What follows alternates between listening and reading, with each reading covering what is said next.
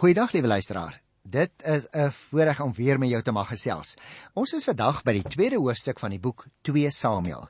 En ons kry eintlik hier 'n baie interessante gedeelte want hier lees ons aan die een kant van die salwing van Dawid in Hebron as die tweede koning van Juda. Jy moet onthou, die eerste koning Saul het sopas gesterwe op Geboa berg. Dawid het hom in ons vorige program het ek daaroor gepraat, uh beklaag sy en Jonathan en baie van die helde se dood. Maar die tweede gedeelte.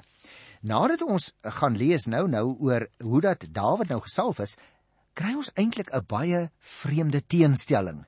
In dieselfde hoofstuk word dan vertel hoe dat Abner iemand anders, 'n man met die naam van Isboset, gesalf het as koning oor Israel. Maar nou wil ek nie vooruitloop nie, ek wil miskien net daarop wys hierdie twee konings nou, Dawid en Isboset, word op so 'n wyse juis gekontrasteer dat Dawid elke keer die gunstigste vertoon van die twee in hierdie hoofstuk. Dawid, so lees ons, het gaandeweg al hoe sterker geword en die nageslag van Saul al hoe swakker. Maar goed, wat die eerste 7 verse betref, uh want ek gaan dit weer so in stukkies opsny, wil ek miskien net eers 'n kort oorsig gee, want dit is die gedeelte dan waar Dawid gesalf word tot koning in Hebron. Dawid se vertrek na Hebron geskied op juis die advies van die Here self. Jy moet natuurlik onthou, liewe luisteraar, Hebron was 'n ou Kanaanitiese koningsstad. Maar Dit het ook baie sterk bande gehad met die voorvaders van Israel. Onthou maar daardie verhaal wat ons gedoen het in Genesis 23 by die tweede vers. So dit was met ander woorde 'n baie historiese plek, hierdie ou stad Hebron. Dink maar aan Abraham, jy sal dit waarskynlik onthou. Dit was ook iets wat verwyderd van die Filistyne en dit was geleë op een van die belangrike handelsroetes. Verder moet ons onthou, was Dawid natuurlik uit die stam van Dawid en hy het doelbewus probeer om goeie verhoudings met hierdie streek te begin opbou. Hebron was dus 'n voor die hand liggende keuse as die plek waar hy graag gesalf sou word. Kom ek lees net eers die eerste vers. Luister 'n bietjie. Hierna het Dawid die Here geraadpleeg. Ag, is dit nie vir jou ook so mooi nie dat na sy klaaglied wat hy gesing het op die helde wat geval het, raadpleeg hy onmiddellik die Here.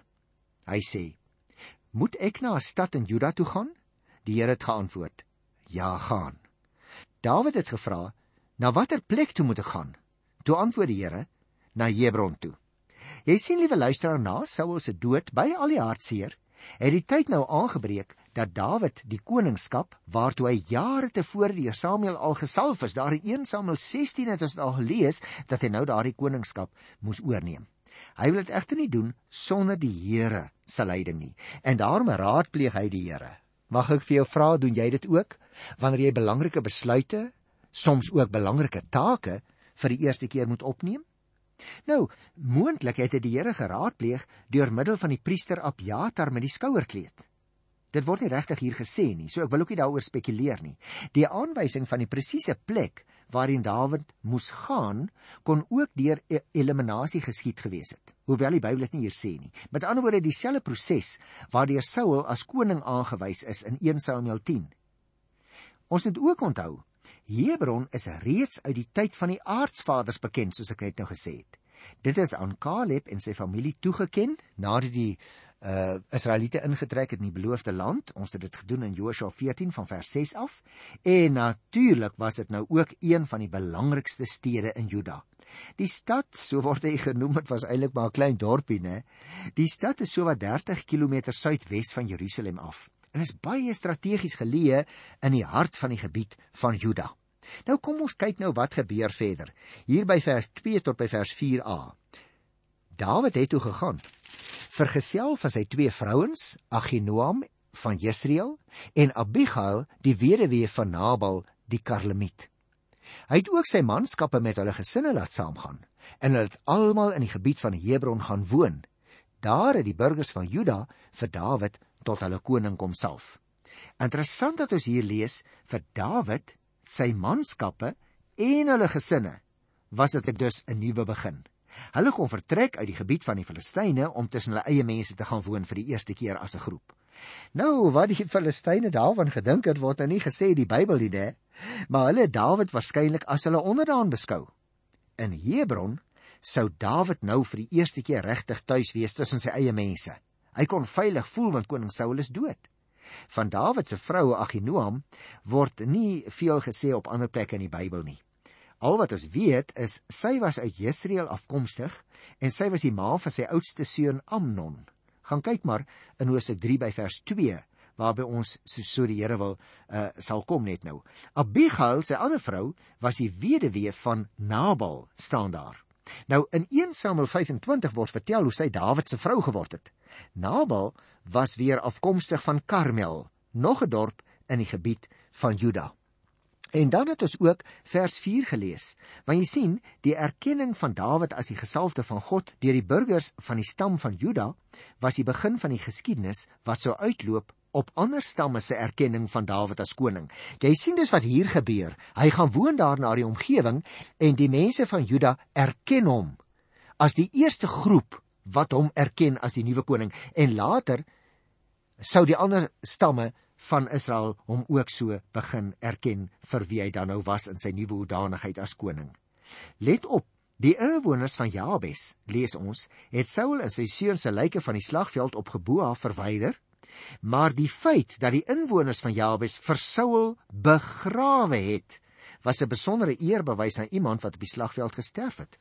Dit nogal tydens 'n neerlaag. En dan het ons daar in die eerste stukkie van vers 4 gelees hoe dat die burgers dan vir Dawid salf as die tweede koning. Nou wil ek dadelik onderstreep, liewe luisteraar, jy moet oplet. Dit was 'n openbare salwing in teenstelling met die private een van destyds daar in 1 Samuel 16 vers 13. Die vraag is nou, het die Filistyne hom nog steeds beskou as iemand wat aan hulle onderdanig is en dus as 'n teenvoeter om Saul op te volg of het hulle Hebron as minder belangrik beskou.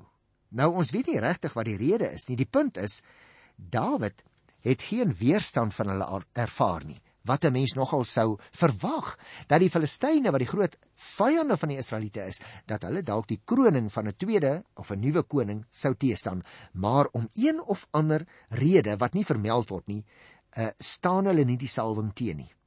Nou as ek nou lees hier van vers 4b tot by vers 7 staan daar toe daaraan Dawid vertel is dat die inwoners van Jabes in Gilead vir Saul begrawe het het hy sy boodskappers na hulle toe gestuur om vir hulle te sê mag die Here julle seën is dit nie mooi nie dat hy vir die vyande dit laat weet? Mag die Here omdat julle hierdie liefdesdaad aan julle koning Saul bewys het deur hom te begrawe. Mag die Here ook aan julle liefde en trou betoon. Is dit nie wonderlik nie liewe luisteraar dat hy vir sy vyande die seën van die Here toebid. En dan sê hy: Ek sal self ook nog 'n weldaad aan julle bewys omdat julle dit gedoen het. Tree nou net moedig op en wees dapper, want julle koning Saul is wel dood, maar Juda het my tot hulle koning gesalf. Een van sy eerste dade as koning was om aan die inwoners van Jabes dankie te sê dat hulle die liggame van Saul en sy seuns begrawe het. Hy maak ook van die geleentheid gebruik om op die manier hulle steun te verwerf. Wat hulle reaksie was, dit word nie vir ons die Bybel gesê nie. Het jy opgemerk? Nou toe Dawid nou hierdie dinge hoor, het hy dadelik sy boodskappers gestuur. Het ons gelees. Hoekom?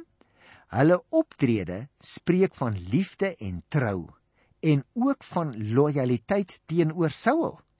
En luisteraars op grond daarvan wens Dawid hulle dan die seën van die Here toe. Hy beloof ook vir hulle sy beskerming. Hierdie optrede van Dawid wys vir ons duidelik dat hy homself as Saul se opvolger beskou het. Hy staan nie terug nie, hy aanvaar die taak wat hom opgelê word. Na Saul se neerlaag teen die Filistyne was die volk natuurlik platgeslaan, mense kan dit verstaan. Die feit dat Dawid toe koning geword het, was wel op hierdie stadium net oor Juda, Maar dit moes terselfdertyd vir Jabes 'n bron van krag wees. Tussen die reëls gelees, sou ek sê, nooi Dawid hulle dus eintlik hier uit om aan hom ook te kom trou sweer en hom nou ook as hulle nuwe koning te erken in Saul se plek. Dan kom ons by 'n tweede afdelingkie hier in 2 Samuel hoofstuk 2, naamlik vers 8 tot by vers 11. Nou ek wil eers vir jou vertel wat daar gebeur en dan gaan ons 'n bietjie na die detail van die teks kyk. Want hier, liewe luisteraar, is dan nou eintlik die teenpool waarop ek jou by die inleiding gewys het waar Abner nou vir Isboset gaan koning maak van Israel. Met ander woorde, jy kry dus dadelik 'n teenstrydigheid, twee groepe wat verskillende twee persone tot koning uh, uitroep. Nou moet ons onthou Isboset was die enigste oorblywende seun van Saul. Hy word nie as koning gesalf nie, maar hy word deur Abner, die leeroowerste, aangestel. Nou dis 'n baie groot verskil, né? Dit gebeur ook nie in Gibea nie. Saul se stad nie, omdat dit waarskynlik in Filistynse hande was op daardie stadium. Hulle deur die Jordaanrivier getrek na Maganaim toe en was dus 'n veilige afstand van die Filistyne af.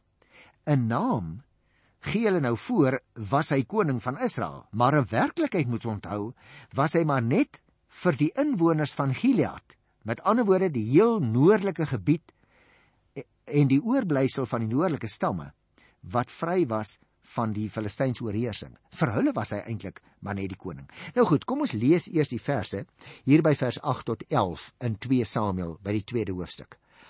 Maar die hoof van Saul se leer, Abner die seun van Ner, het vir Isboset die seun van Saul gevat, hom laat deurtrek na Maganaim toe en hom koning gemaak oor Gilead, Aser, Jesreel, Efraim en Benjamin, ja oor die hele Israel. Saul se seun Isboset was 40 jaar oud toe hy koning van Israel geword het en hy 2 jaar geregeer. Net die Juda stam het vir Dawid ondersteun. Dawid was 7 en 'n half jaar in Hebron koning oor Juda. Nou die enigste detail puntjie wat ek wil onderstreep, liewe luisteraar, is dat dit vir ons hier baie duidelik is. Daar was nou meer stamme hier in die noordelike gebied van die land wat vir Isboset begin ondersteun het as die nuwe koning. Maar die staan pertinent net die Juda stam het vir Dawid ondersteun. Nou natuurlik sal jy verstaan, dit kan natuurlik baie baie maklik tot groot probleme en tot groot spanning lei. Daarom wil ek dadelik aangaan na die tweede klein afdeling wat 'n mens dan kry hier van 2 vers 12 tot by 3 vers 1 waar Dawid se groter wordende mag vir ons beskrywe is. Die eerste kragmeting gaan jy nou-nou sien in die burgeroorlog het uitgeloop op 'n oorwinning vir Dawid. Tog konsentreer die Bybelverteller nie so seer op die verloop van die geveg nie. Die aandag word eerder toegespit op die dood van Joab se broer Asal, omdat dit juis gelei het tot konfrontasie tussen Joab en Abner. As ons dus nou gaan lees, dan moet jy oplet, dit gaan oor die geveg by die dam van Gibeon. So onthou, dit is die omgewing waar die son destyds stil gestaan het, Joshua 10 vers 12, sal jy die verhaal onthou. Ek wil dit in 'n sekere sin net opsom wat ons hier lees in vers 12 tot 17 want jy sien die stryd tussen Isboset en Dawid het blykbaar nooit tot 'n volskaalse burgeroorlog ontwikkel nie maar dit het eintlik maar net bestaan uit 'n reeks verskillende skermutselings aan die grens van die twee konings se gebiede een van die skermutselings word nou hier vir ons beskrywe in besonderhede op grond van die invloed wat dit op die later geskiedenis gehad het. Daarom wil ek dit tog graag vir jou lees hier van vers 12 tot by 17. Abner, die seun van Ner, het Isboset se soldate van Maganaim af na Gibeon toe opgeruk. Joab, die seun van Zeruah, het hulle met Dawid se soldate tegemoet getrek en hulle by die Gibeon dam gekry. Joab het aan die een kant van die dam gaan sit en die ander man aan die oorkant. Abner skreeu toe vir Joab: "Laat die jong manne eers hier voor ons 'n oorlogspel kom speel." "Hulle kan dit maar doen," was Joab se antwoord. 12 man, luister nou mooi, het toe namens Benjamin en Isboset na vore gekom en so ook 12 van Dawid se soldate. Maar elkeen het sy opponent aan die hare beet gekry met die swaard onder die ribbes gesteek en hulle het gelyk omgekom. Daarom word die plek in Gibeon die ribbebeensdeel genoem. Daardie dag het daar toe 'n ewige geveg ontwikkel en Abner en die manskappe van Israel is deur Dawid se soldate verslaan. Ons sien wat is eintlik maar 'n baie klein skermutseling was, sou lei tot 'n openlike breuk tussen hierdie twee groepe. Ek gaan nou nou lees hier van vers 18 af tot by Hosea 3 by die eerste vers want dit is waar ek uh, wil ophou eintlik so by die 5de vers van die 3de hoofstuk maar kom ek gee net vir jou 'n oorsig.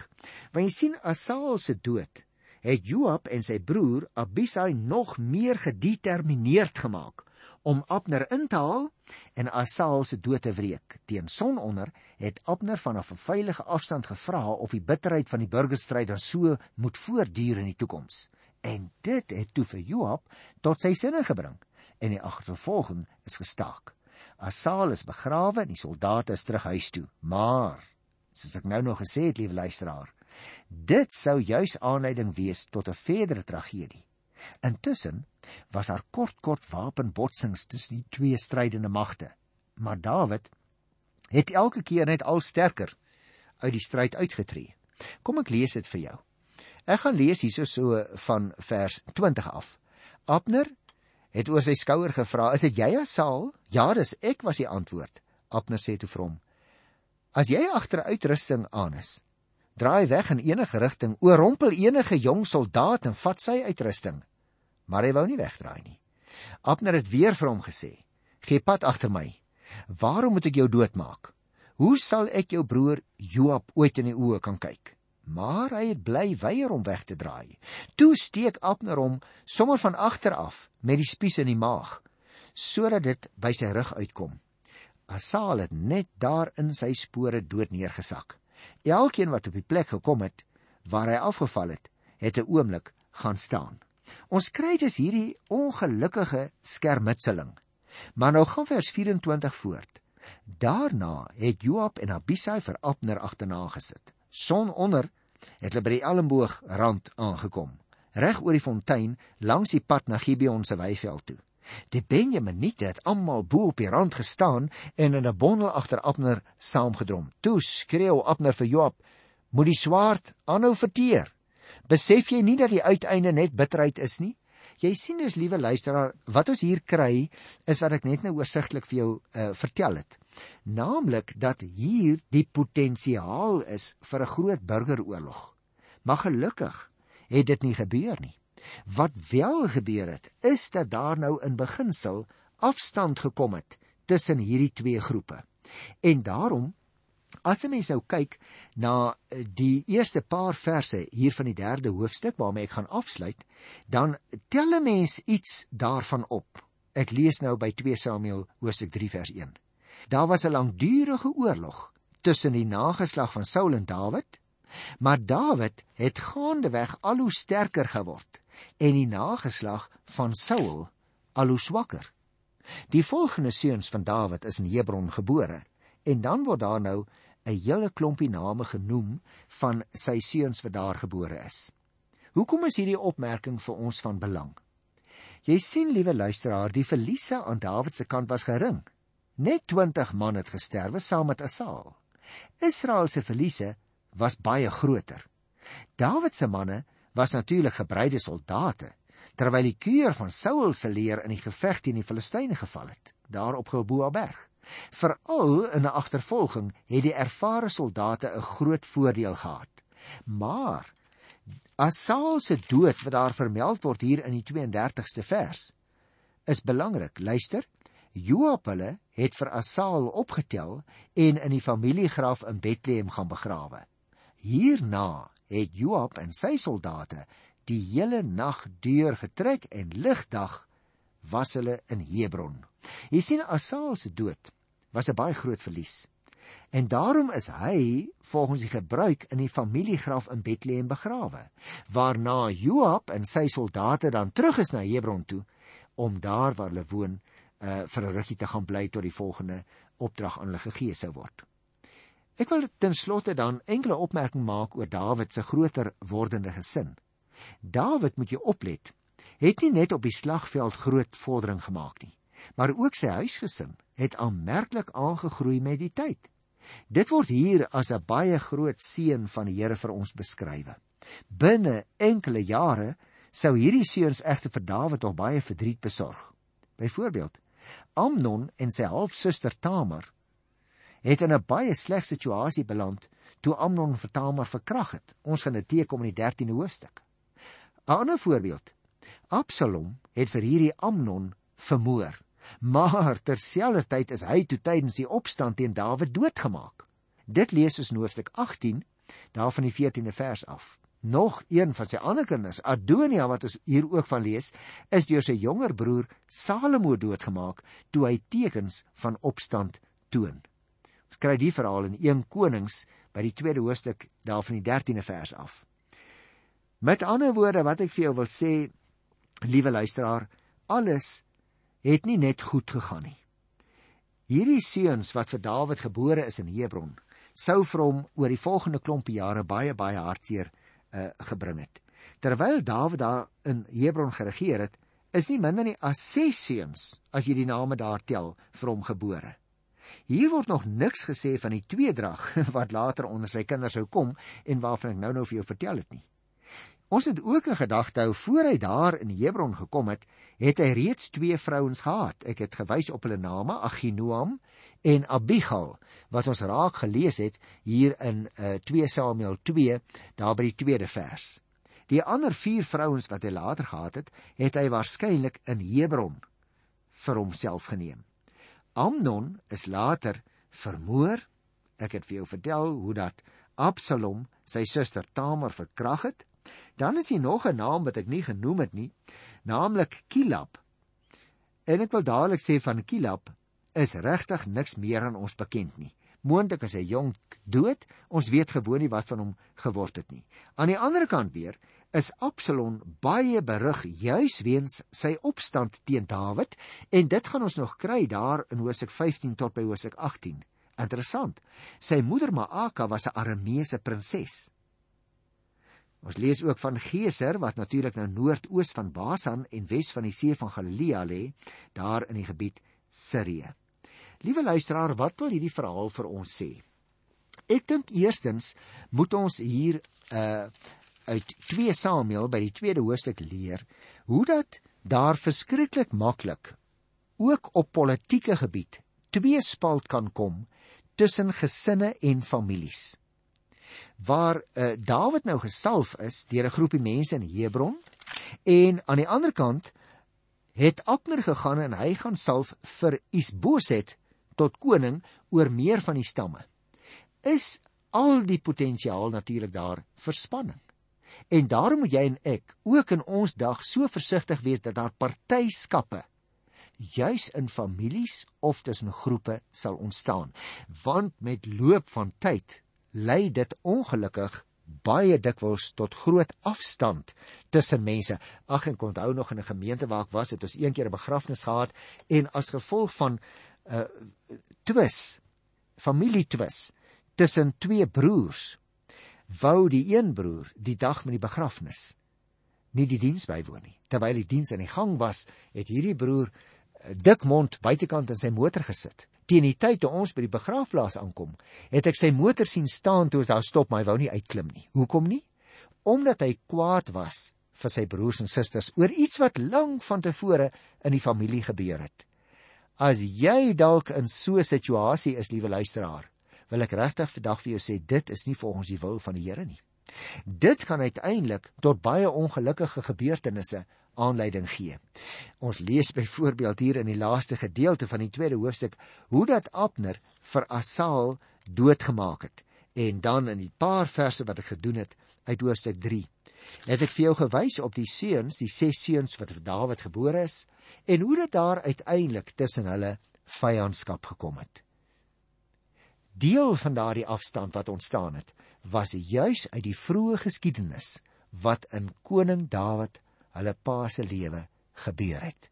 Maar hulle het nooit geleer om regtig hande te vat, eensgesind te wees, gesamentlik vorentoe te gaan nie. Hoe nodig is dit tog vir ons in hierdie tyd dat ons al hande vat ook as Christus gelowiges en nie in partyskappe ons krag in die Here sal begin verdeel nie. Dink daaroor. Vra jouself af, het ek nie dalk aandeel aan so iets nie en as dit met jou so is, liewe luisteraar, gaan maak jou verhouding met die Here reg, dan sal die ander ook outomaties begin regkom. Ek groet jou vandag in die wonderlike naam van ons Here. Tot volgende keer. Totsiens.